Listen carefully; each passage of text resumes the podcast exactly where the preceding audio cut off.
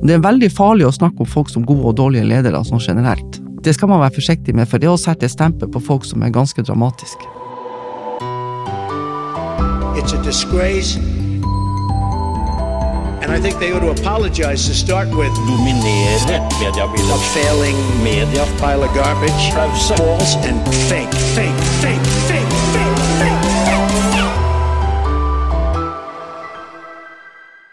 Hun beskrives som en av de aller mektigste hodejegerne i mediebransjen, og har rekruttert ledere i så å si alle konsern.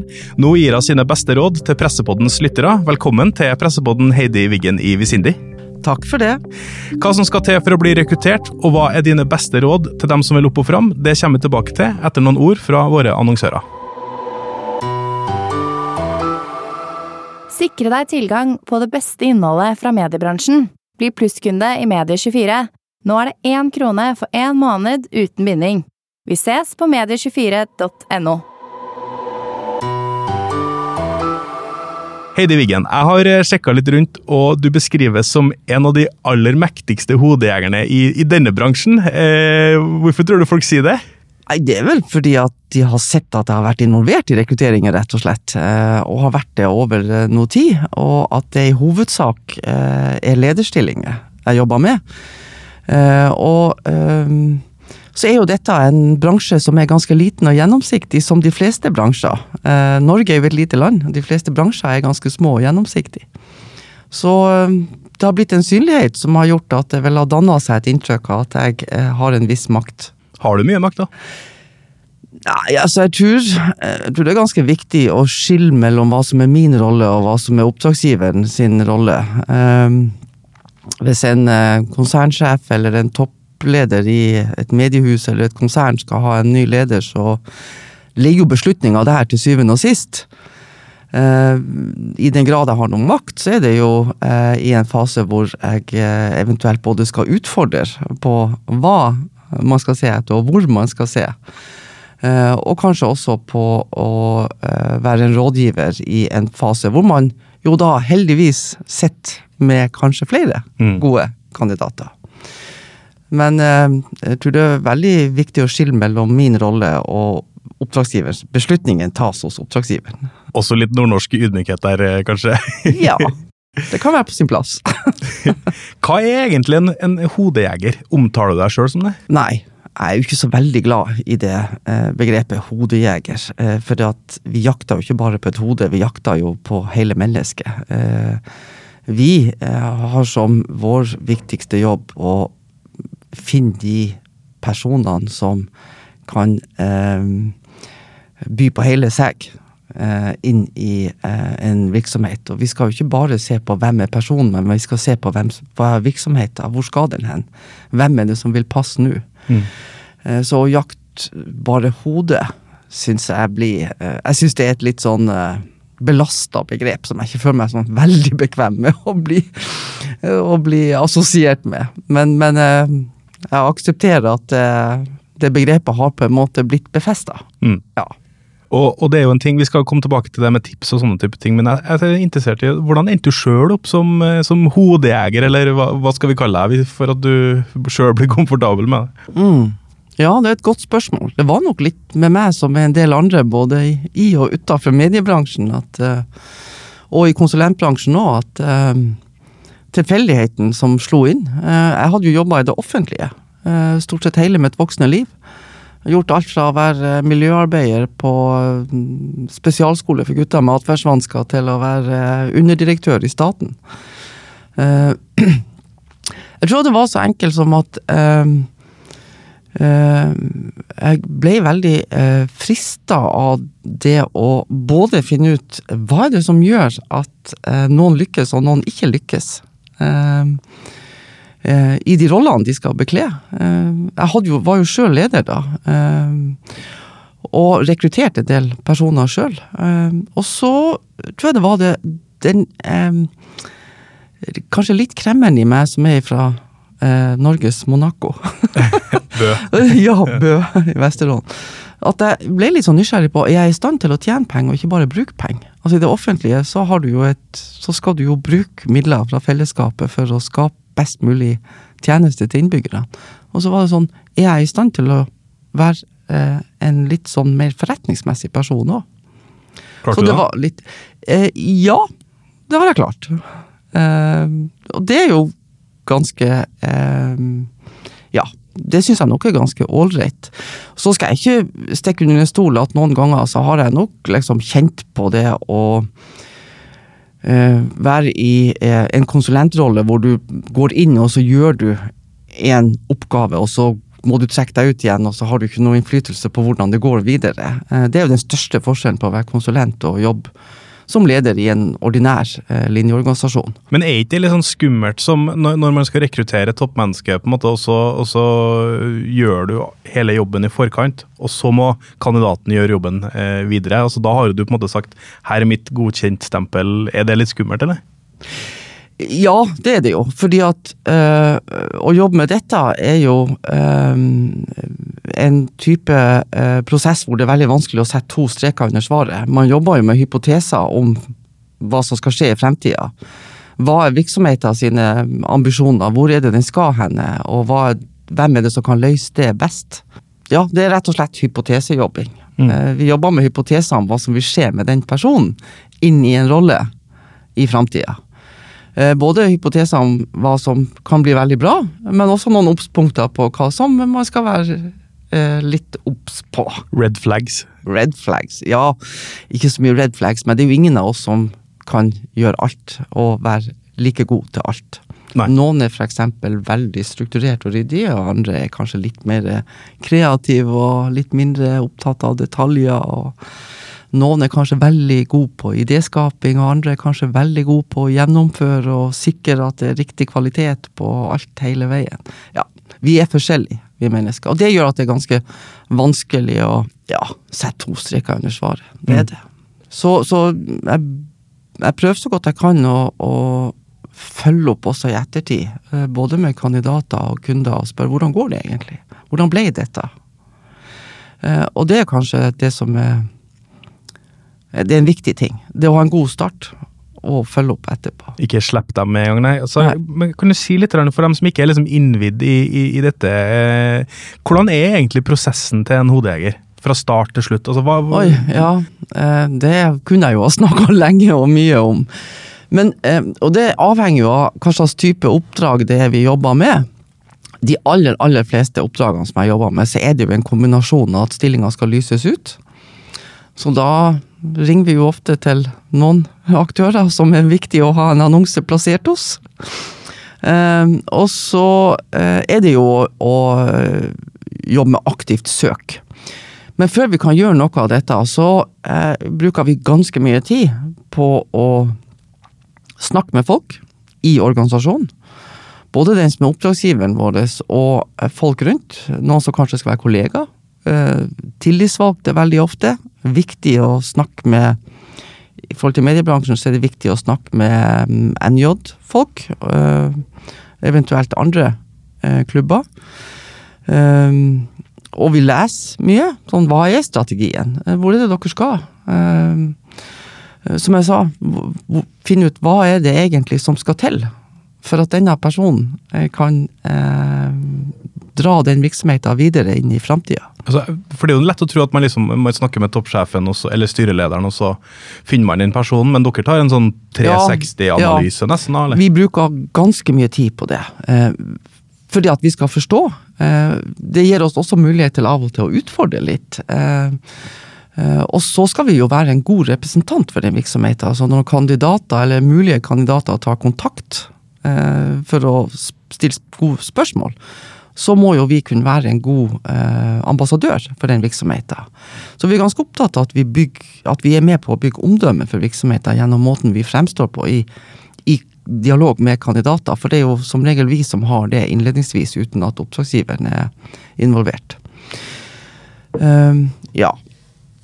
Så det er ganske viktig. God start. Kom, eh, rett ut fra, kom riktig ut fra hoppkanten, som man sier.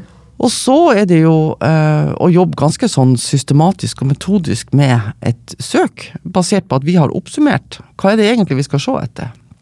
Eller så kunne man egentlig ha gått i alle retninger. Uh, og så er det jo med mediebransjen som med mange andre bransjer, det er ganske gjennomsiktig. Og det er ganske mange forestillinger om hvem Mm. Ikke hva, uh, men hvem. Vi skal ha han, eller vi skal Ja, ha hun, liksom. ja. Mm. Så, så jeg har nok noen ganger opplevd det som både givende og ganske utfordrende. Og eh, si at liksom, rykk litt tilbake til start, skal vi se her. Eh, det kan fin finnes noen som ikke eh, du vet om, eller som du ikke har tenkt på. Eh, og jeg tenker at det er noe av det viktigste vi gjør eh, i den, i den eh, startfasen. Eh, og når vi har uh, laga en, en eh, profil eh, som vi skal jobbe ut ifra, både for å lete etter kandidater, så er den jo også veldig viktig når vi skal starte vurderinga av kandidatene. Eh, som regel så har man jo flere enn én. Mm. Eh, og da det, eh, skal det hjelpe oss ganske godt eh, til å eh, holde litt tunga rett i munnen. På hva var det egentlig vi skulle se etter? Mm. Og hvem er denne kandidaten opp mot det? Er det lett å liksom gå og, bli liksom forelska i en kandidat, og så, Ja. og så, men så må du liksom måle opp imot ja, hva var det vi egentlig skulle ha tak i? Når du tenker på den eh, eh, fasen mediebransjen har vært i over så mange år, eh, med de enorme endringene i vår atferd og som brukere eh, av media, eh, brukere av journalistikken, eh, abonnenter Og så får du den situasjonen vi har nå med pandemien i tillegg. Da blir man ganske risikoavers, og da vil man jo søke til det som er kjent og trygt. Og så er det ikke sånn at vi på død og liv skal liksom se at nei, det skal du i hvert fall ikke gjøre. Men vi er nødt til å jobbe med den bevisstheten som eh, man trenger. Sånn at når man lander på noe, enten det er kjent eller litt mer overraskende, så skal det være på bakgrunn av at man har tenkt seg ganske godt om og reflektert ganske mye. Det er noe av det viktigste man gjør. Mm. Og så Når du har eh, funnet disse menneskene, bruker du liksom LinkedIn og åpne kilder, eller, Ja, ja. eller har du et arkiv oppi hodet? Ja, altså, eller, eh, Vi har jo vår egen database, selvfølgelig. Vi siden de har eksistert nå i 16 år. 1. oktober i år. Og, og det er klart, da har du bygd en database, så selv om jeg som eh, personvernombud har eh, mer enn halvert den databasen i løpet av det siste halvannet året, så har vi fortsatt eh, mange i den. Eh, men vi bruker jo også åpne. Vi, vi googler, vi går på LinkedIn. Jeg er veldig overraska over alle i mediebransjen som ikke bruker tid på å presentere seg sjøl på LinkedIn. ja, så Journalister er er jo- ikke på LinkedIn. Nei, det er helt utrolig. Og så sitter de samtidig og venter på å bli kontakta. Det, det er sånn Vi er jo ikke sånn mystery shoppers. Altså Dette er jo ikke noe sånn der eh, hvor vi liksom bare ut av det blå eh, finner noen. Eh, det er klart vi har et nettverk, for vi er også i fire byer sånn rent geografisk. Men, men eh, det er jo ingen av oss, heller ikke jeg, som klarer å holde oversikt over alle. Og i hvert fall ikke på alle de nye som kommer. Og så skal det sies, gudskjelov, de som er yngre enn oss, de har i større grad forstått det. Enn de som sitter helt i ro og forventer å bli kontakta, selv om de ikke har uh, gjort seg synlige. Og vi kan jo ikke abonnere på en, enhver avis som er på Altså, det, det går jo ikke. Og dermed så får vi jo ikke lest alle. Og, ja, så det, det er en ganske sånn møysommelig uh, jobb. Men vi har jo knakende gode researchere som har, også har et voldsomt nettverk. Uh, og så har vi selvfølgelig mange kjente i bransjen som kan hjelpe oss å komme med tips. Jeg tror faktisk jeg har kontakta deg òg, Erik. Ja, det har du. Ja, det ikke stemmer. sant? Og sånn må vi jobbe. Mm. Altså min oppfordring til eh, folk som sitter i bransjen og som ønsker å gå videre og ønsker å eh, gå inn i ledelse eller jobbe enda mer med ledelse, det er gjør dere synlig i, i, eh, på de plattformene som er relevant å være synlig på, type LinkedIn, for å nevne det mest nærliggende.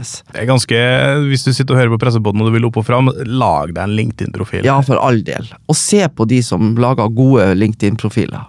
Mm.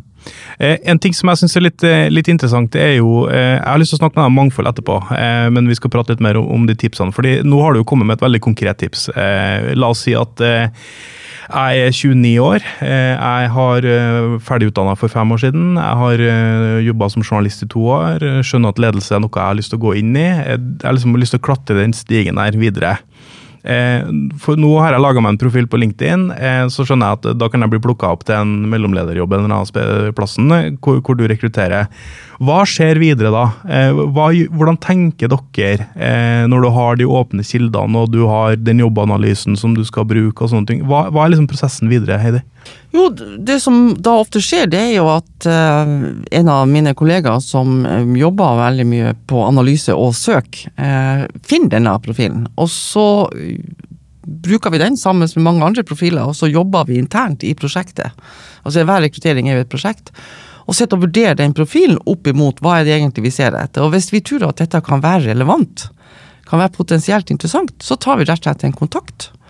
Eh, vi finner kontaktdata, enten e-post, telefon, eller vi bruker eh, LinkedIn-mail. Eh, og så tar vi rett og slett kontakt og sier at vi har funnet din profil, og lurer på om det kan være interessant for deg å vurdere en dialog om denne konkrete rollen.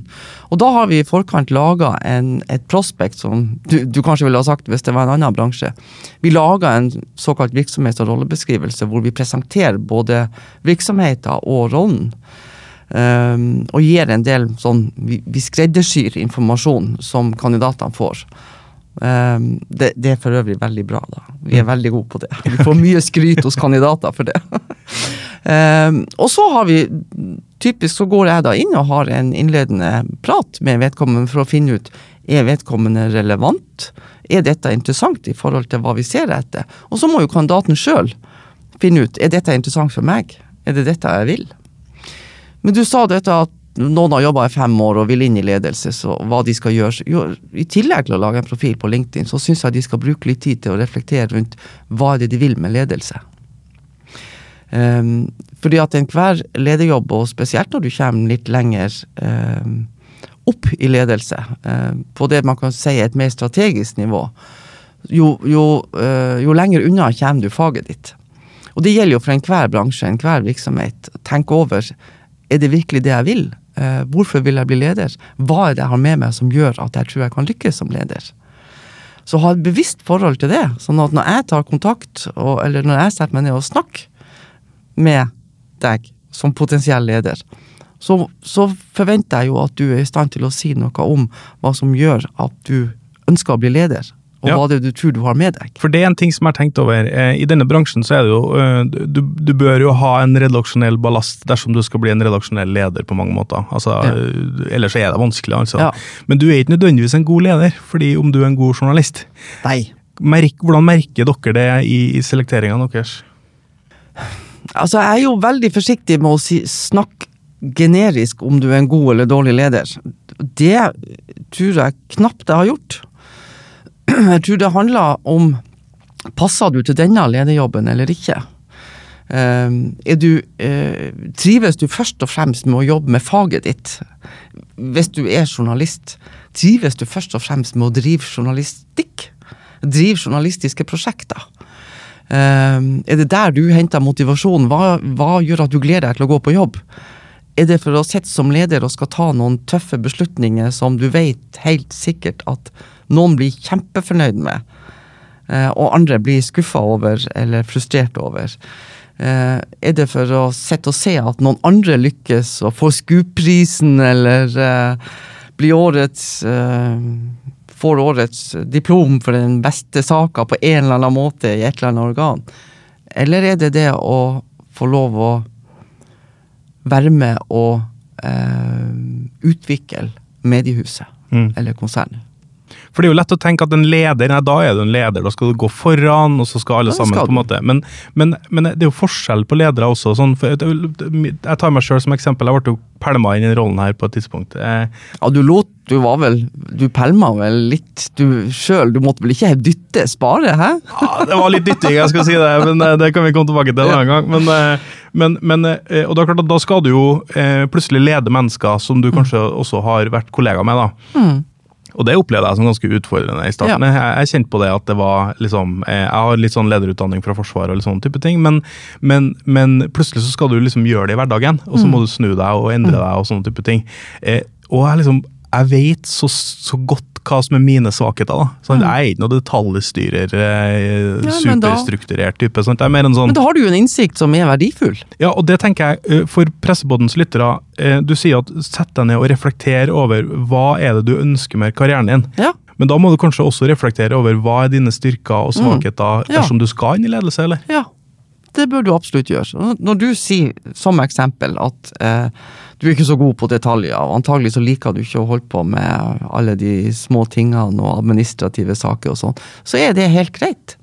Eh, men det, er da jeg sier at det er viktig å koble hva er det man trenger nå og fremover, kontra eh, hva man har med seg. Altså å se det opp mot hva man har med seg. Mm.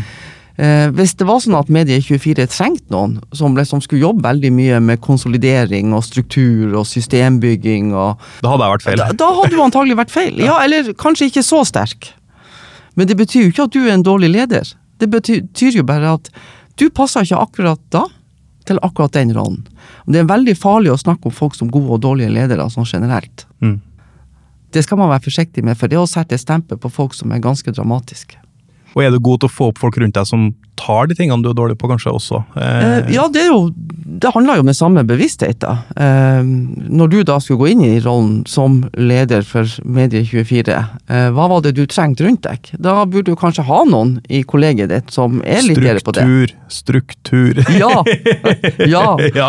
Så alle Mens jeg for eksempel, jeg trenger noen som er veldig eh, kreativ eh, og mulighetsorientert og ikke ser hindringene i det hele tatt, for jeg kan bli litt sånn, jeg kan bli nesten litt sånn journalist, litt kritisk. ja. Ja, Still spørsmålstegn ved ting. Blir dette riktig, og ja, er du sikker på det, og hvorfor, og Men da sånn. er du bevisst på det, i hvert fall, Ja. Mm. og, det, og det tror jeg er kjempeviktig. Nå, nå har vi vært innom noen tips. Eh, altså, Lag deg en LinkedIn-profil, gjør deg sjøl synlig, reflekter over eh, hva ønsker du med din ledelse. Mm. Hvilke andre typer tips er det du som, som hodejeger har til, til de som har lyst til å aspirere? Hvis noen ringer til meg, bare for at jeg skal huske de, så kan de regne med at den sjansen er stor for at jeg ikke kommer til å gjøre det allikevel, hvis de ikke har et godt spørsmål å stille, Mm. som er superrelevant og godt. Altså, ikke ring eh, bare for å ringe. Eh, jeg tror mange tror at det liksom, da blir de liksom huska. Eh, som regel så jobber vi jo med ganske mange prosjekter i parallell. Eh, og eh, det betyr at vi har dialog med ganske mange kandidater til forskjellige roller. Og da syns vi det er veldig ålreit når noen eh, mulige kandidater ringer til oss fordi at de faktisk har gode og relevante spørsmål. Men noen ringer jo til oss fordi at de vil bruke den muligheten til liksom å gjenfortelle hele CV-en sin. Det er ganske utmattende etter litt tid. Så det ikke, ikke gjør det. Gjør, gjør folk det, altså? Ja, en del gjør det. Og det er ikke smart. Det, det, det er kanskje ganske viktig i den innledende fasen. Og når du kommer videre i, i Hvis du kommer videre i prosessen og skal starte med intervjuer for alvor, vi skal begynne å snakke om hvem er du som leder og person, så er det bare én ting som gjelder, du må være ærlig. Ehm, eh, vi oppdaga nok ganske fort når vi bruker type personlighetstestverktøy, som vi jo ikke er sånn veldig opptatt av, men det er et nyttig samtaleverktøy, så ser vi jo hvis folk prøver å manipulere den testen, f.eks. Mm. Eh, så vises det ganske godt. Så uh, vær ærlig mot deg sjøl, og vær ærlig mot oss. Ja, for du ser det, du ser det liksom. Uh, Ja. Du sitter på jobbintervju, og så, så leser du CV-en, og så ser du Ja, du sier at du er sånn og sånn og sånn, men du er jo ikke sånn. altså du, du, Er det lett å avsløre folk? Ja, Uh, i 90% av tilfellene så ser vi det på Altså, vi har jo Vi bruker jo Vi er jo sertifisert for å lese en sånn test, og når du får det i kombinasjon med noen år på baken i bransjen, så så ser du det. Og så er det jo sånn at, som jeg sa tidligere, dette er jo ikke noe hvor du kan sette to streker under svaret, og da er det jo liksom å bygge stein på stein. Du har samtaler med kandidaten, du har noen verktøy type test. Eh, vi har referanser. eh, det er flere intervjuer. Det er, et steg, det er i hvert fall tre møter med kandidaten. Og, og når du begynner å sy dette sammen til ett bilde, så ser vi hvis ting begynner å ikke stemme helt. Man skal jo eh, selge seg sjøl inn hvis man er både motivert og mener man er kvalifisert. Men du skal alltid være ærlig og oppriktig. Hva, eh, en ting er jo på en måte søknadsprosessen. Eh, når, du, når du skriver en god søknad hva, Du leser sikkert mange søknader i løpet av et eh, år, vil jeg tro. Ja. Hva er en god søknad? Den er eh, eh, kort.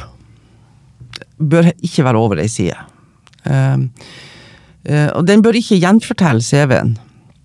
Eh, den bør i så fall utdype, kanskje forklare. Og så må det si noe om motivasjon. Hvorfor vil jeg dette?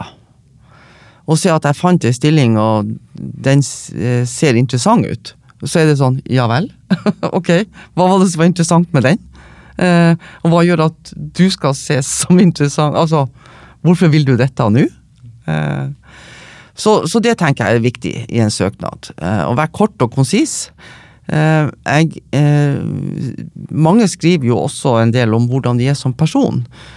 Det blir litt sånn som jeg i liten grad legger vekt på, for det, skal vi finne ut senere uansett. Så om man er Altså, alle er jo samarbeidsvillig, eh, målretta, resultatorientert. Eh, Ambisiøs? ambisiøs og Ja, altså Så, så eh, det, det trenger man ikke å bruke tid på. Det, det merker jeg, for vi, vi driver og rekrutterer journaliststillingen nå, eh, og da, ser, da får du jo ganske mange søknader fra liksom hele spekteret. Noen, Mm. jo, noen er, sender en veldig generell søknad, som Ja. du skjønner veldig lett eh, at den er sendt ut til en tre-fire stykker, Ja. eh, mens andre er, har liksom virkelig lest stillingsutlysninga, Ja. og, og, og ikke bare peker på, Mm. på hva, hvordan jeg passer inn i rollen, men også hvordan rollen kan passe for meg. Ja. Eh, ser, ser du st- stor forskjell på, på det? Ja. Og, og eh, både i, i søknader eh, Men før jeg sier litt mer om det, så bare si CV er faktisk også ganske viktig. Okay. Eh, fordi at eh, jeg vil helst slippe å gå inn i en virksomhet og liksom prøve å finne organisasjonskart og eh, masse sånt. Så si noe om, eh, når du har en rolle som leder XXX, si noe om Har du personalansvar? Har du budsjettansvar? Har du eh, ansvar for eh, altså Ofte så fremgår det av stillingstittelen om altså er du sportsredaktør, er du graveredaktør, er du politisk redaktør altså, Så det sier seg sjøl. Men, men si litt mer. Hvor befinner du deg i organisasjonen? Hva, hvor, hva slags lederrolle er dette egentlig? Så vær litt sånn presis på det i CV-en. Um, når det gjelder um, søknad, så ser jeg stor forskjell på de som har gjort en jobb, gjort hjemmelekser før de søker. Og da har de gått inn i virksomheten uh, og sett. Og det er veldig oppløftende, for det tyder på både motivasjon og at man er i stand til å gjøre en ordentlig jobb. Og det er klart journalister kan det. Det er jo dette de lever av. Så jeg blir jo veldig overraska når folk som har jobba som journalist et langt liv, eller redaksjonell leder, ikke gjør det.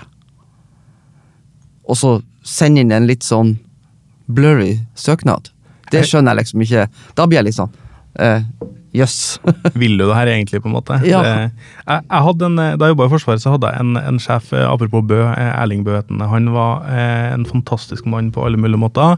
Eh, eh, men, men han husker jeg han sa når han skulle bli kommunikasjonssjef i Forsvarets operative hovedkvarter, så sendte han en søknad hvor han skrev 'Jeg tror jeg kan være interessert i denne jobben'. Punktum. og, og, da klart at Han kom jo fra en rolle som en, altså Han var jo en, en, en kjent kommentator på en måte før han kom inn i den rollen. her. Eh, Det kan jo også virke litt sånn ja, Ikke veldig ydmykt, kanskje, men uh, han fikk nå jobben. da. Uh, så en søknad trenger ikke å være eh, 16 linjer. Det er det vi på en måte konkluderer med. Søknaden skal bare være veldig presis på motivasjon. eh, Og eventuelt fylle ut med noe tilleggsinformasjon som kan være nyttig i tillegg til CV-en. Men det aller viktigste er å skrive en ordentlig CV. For det, vi begynner jo der. Vi begynner jo med å se på CV-en. For det er jo trinn én. Er CV-en innafor? Mm. Og så ser vi på søknaden i tillegg. Så det en, eh, en CV kan aldri jobbes eh, nok med. det er min eh, påstand. Og så har du sendt inn søknaden og CV-en. Eh, du blir kalt inn på intervju. Eh, hvordan, eh, hva ser du etter da? Altså, hvordan gjør man et godt intervju med deg, Heidi? Altså, det første intervjuet der, det er jo det vi kaller for et sånn screeningintervju. Altså, da er vi jo Og det er jo veldig sånn eh, med utgangspunkt i CV-en, og da vil vi ha mer kjøtt på beina. Ja, hva, hva gjorde du da? Hva er det viktigste du leverte i den rollen? Hvorfor gikk du fra det til det, fra A til B? Ting rundt det. Eh, eh, og prøve å kartlegge det mest mulig. Eh, og det er jo også med utgangspunkt i det som er starten, nemlig hva slags profil er det vi skal se etter. For en profil har jo to, to hovedbolker. Det ene er hva skal du ha med deg av mer sånn erfarings- og utdanningsbasert kompetanse. Og hva skal du ha med deg i tillegg, som menneskelig, som person og som leder. Så den starten der handler jo veldig mye om utdanning og erfaring. Hva har du gjort? Hvor har du vært? Hvorfor? Hvorfor slutta du? Hvorfor begynte du? Eh, hva var det som ikke gikk bra? Eh, hva er det du skulle ønske du kunne gjort annerledes hvis du skulle gjøre det i dag? Eh, eh, hvorfor var dette så vellykka? Hva var din rolle i det? Eh, mediehuset har gjort sånn og sånn. Hva, hva var din rolle? Her var et prosjekt. Eh, hva var din rolle i det? Hvor mye av æra for det prosjektet kan du ta? Hva, hva, hva leter du etter når du stiller de spørsmålene? Er det liksom evne til å reflektere over egen rolle, Ja. eller er det Ja. rent faktuelle ting? Eller? Det, det er jo en blanding av det. Eh, Det er jo en meta det er jo et metaintervju. Det er jo både å få enda mer fakta, enda mer kjøtt på beina om hvem dette er som person. Og så er det jo å se hvordan vedkommende agerer i en sånn intervjusituasjon. Er vedkommende presis i måten eh, vedkommende svarer på? Stiller eh, vedkommende gode, relevante spørsmål? Eh, har vedkommende spørsmål i det hele tatt? Eh, hvor trygg er vedkommende i situasjonen? Skal du inn i en lederrolle, så må du du må tåle å møte meg. Jeg er ikke særlig skremmende. så Jeg tror jeg faktisk er en ganske vennlig og hyggelig person i møte med kandidater. Så det- er jo eh, hvordan det, det oppsummerte inntrykket etter en sånn innledende fase. Og når jeg stiller spørsmål om ting, så er det jo hele tida i forhold til relevansen mot den profilen vi har laga. Hvis man f.eks. skal ha en leder som har erfaring med omstillingsledelse, og det ikke fremgår av CV-en helt spesifikt, så begynner jeg jo å spørre om det. Hva slags endringsprosesser har du vært med i?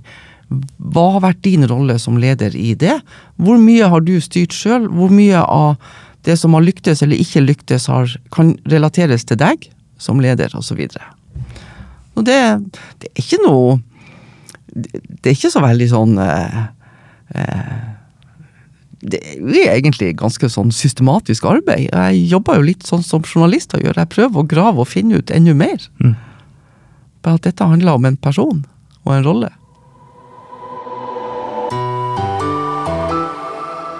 Sikre deg tilgang på det beste innholdet fra mediebransjen. Bli plusskunde i Medie24. Nå er det én krone for én måned uten binding. Vi ses på medie24.no. Vi er jo en bransje som har kutta, omstilt og blødd penger i, i mange år, men det går jo greit likevel. Eh, men kanskje har vi fått et litt sånn dårlig rykte på oss for å være en bransje som er litt sånn i fall. Hvordan påvirkes liksom tilfanget av talenter når vi som bransje har det omdømmet, kan du si da? Jeg opplever egentlig ikke at omdømmet er helt sånn. Eh, eh, det handler vel mer om at eh, de fleste som er på, på lederstien, eh, eller eh, har ambisjoner om å gå den veien, er klar over at det er ikke så enkelt eh, som det var. At kompleksiteten er større, og at eh, eh, det er ganske uforutsigbart. Eh, det var mye enklere før. Som en redaktør sa, det var enklere når man liksom kunne skrive og trykke det og legge det på døra, dørmata vår. Og dette skal du lese i dag, og i morgen kommer vi med det du skal lese da. Det, men jeg opplever ikke at, eh, at bransjen som sådan har et eh, dårlig omdømme. Men så skal jo det sies så at eh, i forhold til redaksjonelle lederstillinger, så, så det skjer jo praktisk talt aldri at man henter inn noen som ikke er i bransjen. Nei, En ting som overraska meg der, var jo eh, da Nå har jo hun gått av, da, Hegge Ylli. Hun ble jo toppleder i NHST. Kom fra Gjensidige og forsikringsbransjen. Aldri jobba med, med det. Og det er jo ikke en redaksjonell stilling som konsernsjef i NHST, men eh, nå vet jeg ikke om du var involvert i det? Jo da, jeg var det. Ja, ja, det var det. Riktig. Men hun kommer fra en helt annen sektor, eh, og det, når jeg sier at jeg blir litt overraska over det, så er det jo fordi at vi vanligvis rekrutterer jo veldig ofte folk som er en del av andedammen. Eh, vi, får jo, vi blir beskyldt for å være en andedam eh, som er langt inni vår egen navle på mange måter også. Er, er det vanskelig å liksom, når du uh, snakker med oppdragsgiverne og du ønsker å tilby kandidater som er liksom helt utafra, er det, er det utfordrende på noen måte eller ikke? Det, det henger jo igjen sammen med hva slags type rolle eh, det er snakk om, og på hvilket nivå. Um, og så har ikke jeg noe lyst til å kommentere noen sånne enkeltsaker, det har jeg ikke. Men det er liksom igjen tilbake til det som på ene sida er ganske sånn enkelt, og samtidig ganske komplisert og komplekst. Hva er det som trengs nå? Um, hva er det man ser at vedkommende skal levere på fremover? Og det er jo også for ikke å være bakoverskuende. Uh, ikke jobbe med erstatning for noen, men, men å, å se hvor er det huset, konsernet, eh, selskapet skal hen. Ikke hvem, men hva. Ikke men hvem, men hva. Det er kjempeviktig. Eh, spesielt i en bransje hvor så mange har så mange synspunkter om hvem som bør inn i hvilken rolle til enhver tid. Det lever jeg fint med, eh, og det, det må man leve fint med, eller så klarer man seg ikke, så mister man nattesøvn. da. Men du ødelegger jo veldig for oss, da, for vi lager jo sånne eh, Disse tror vi Ja, kan få. ja, ja. Og, og når du kommer med noen helt utafor bransjen, så ødelegger du jo hele, liksom. Jeg tror jeg har, jeg tror jeg har hatt litt sånn eh, godmodige mobbemeldinger til deg noen ganger. og sagt at Erik, du er ikke helt på eh, kanalen nå. Men du må svare meg når jeg spør deg off rec, da, men du gjør jo ikke det heller. Så det er Nei. hemmelighold. hemmelighold, ja, ja. Eh, Men vi, eh, vi, som, vi som bransje en ting, altså Vi snakker jo om at vi har liksom mm, vært en bransje som har falt litt siste årene, men du sier at du merker ikke det når det kommer til, til tilfang. Men vi er jo en bransje som har og, og står i en kontinuerlig omstilling nå, og har liksom kommet ganske langt, føler jeg, når du liksom ser, i hvert fall i de største mediehusene, eh, at vi har kommet langt på den biten der. Er, er du enig i det? At vi har eh, liksom Ja, så prøv å tenke, eh, for å ta ti år tilbake. Eh, var det noen som trodde at eh, den ikke-redaksjonelle og redaksjonelle sida i et mediehus skulle jobbe så tett som man gjør i dag? Nei. Nei. Og at eh, en journalist skulle være opptatt av hvordan eh, den kommersielle sida av virksomheten, altså det å få penger til å bedrive god journalistikk, eh, hvordan de pengene kom inn, og eh, Og at vedkommende er en aktør i det. Den bevisstheten er jo Altså, den endringa er jo helt formidabel. Journalister har jo blitt selgere. Eh, Ja, eh, det skal ikke jeg uttale meg så bram- bramfritt om. Eh, Jeg er jo ikke journalist, jeg er jo ikke i bransjen. Men det å oppleve den endringa Jeg var eh, ganske tidlig, mens eh, Dagbladet ennå var i havnelageret, så hadde jeg et oppdrag der. og da Nå husker jeg ikke helt når det var, men da var jo nettredaksjonen det var jo noen som satt i et hjørne med, mer eller mindre med ryggen til resten av redaksjonen. Jeg har vært der. Ja, ikke sant? ja. Og det, og det er sånn Jeg tror at man noen ganger så glemmer man å ta et steg tilbake og se hva det er som egentlig har skjedd. Og se for en fantastisk utvikling ledere i mediebransjen har klart å drive fram.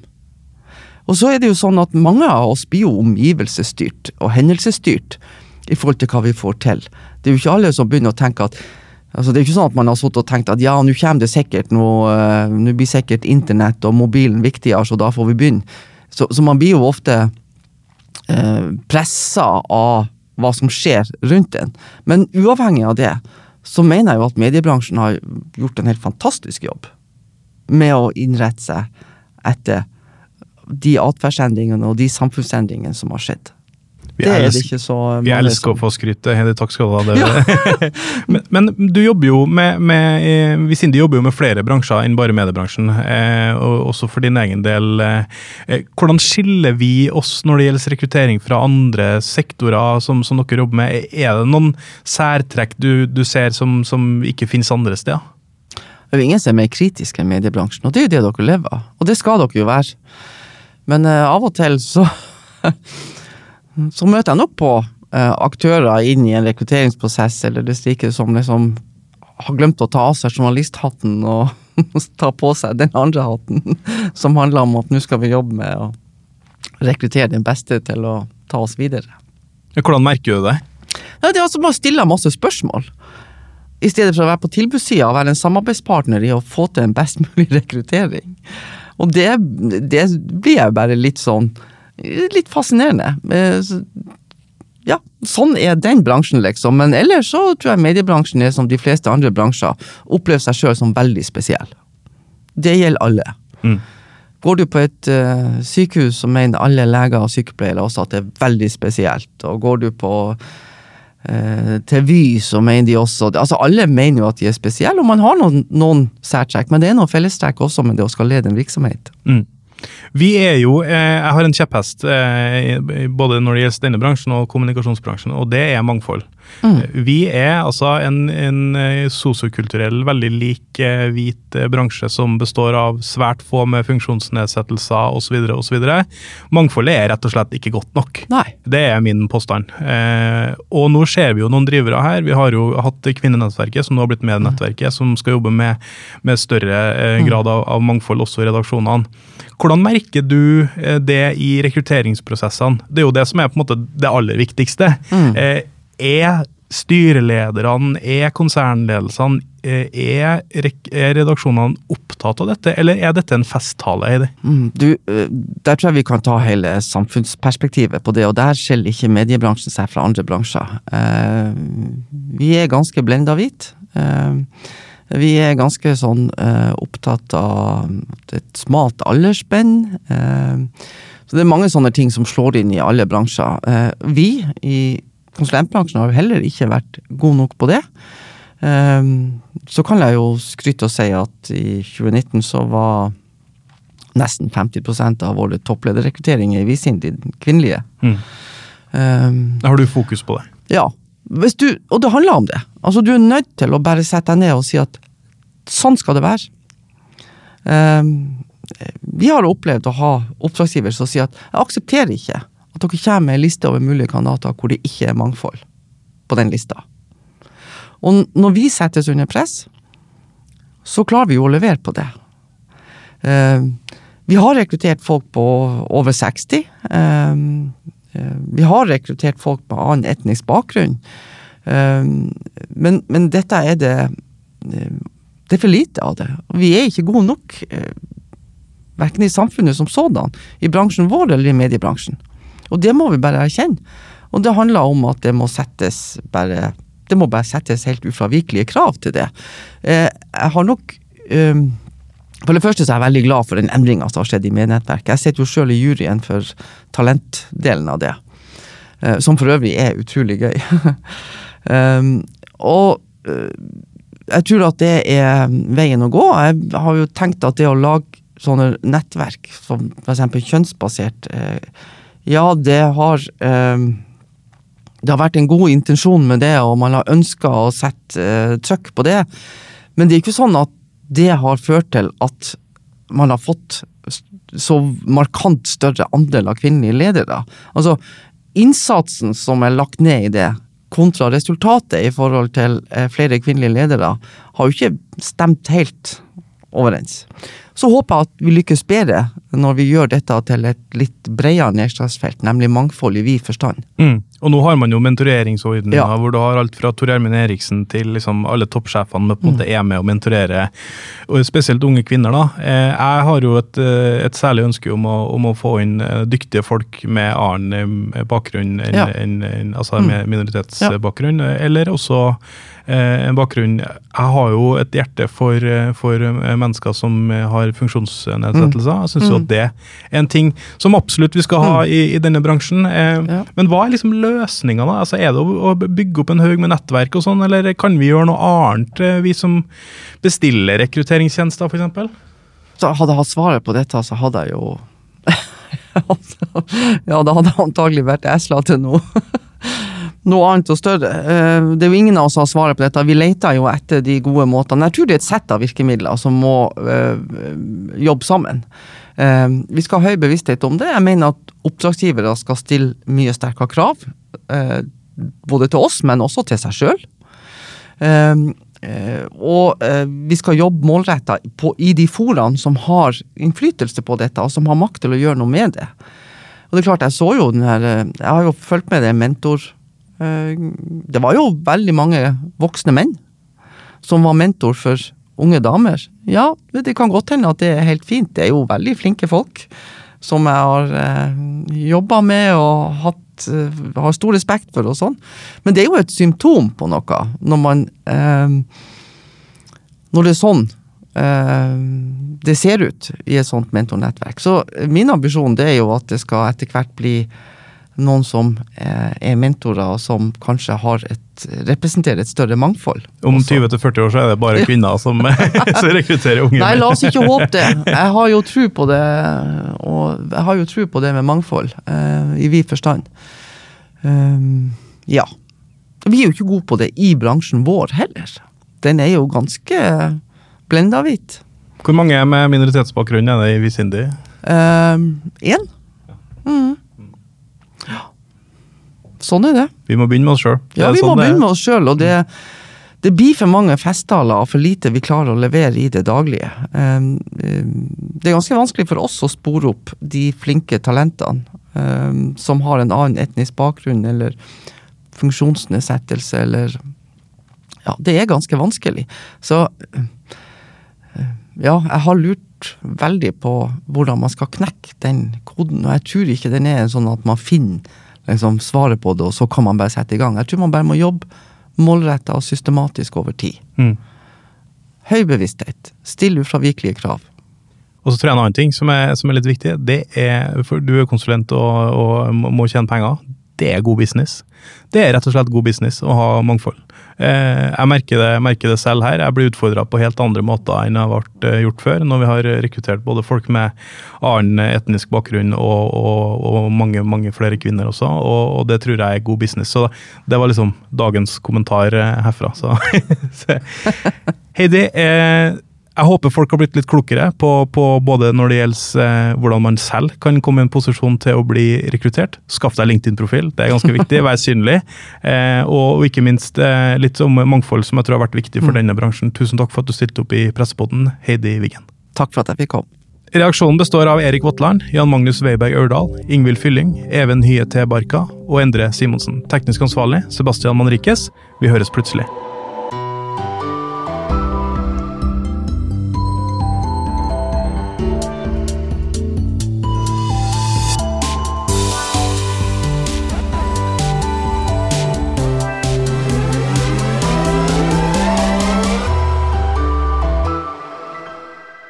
Sikre deg tilgang på det beste innholdet fra mediebransjen.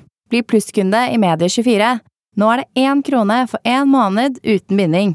Vi ses på medie24.no.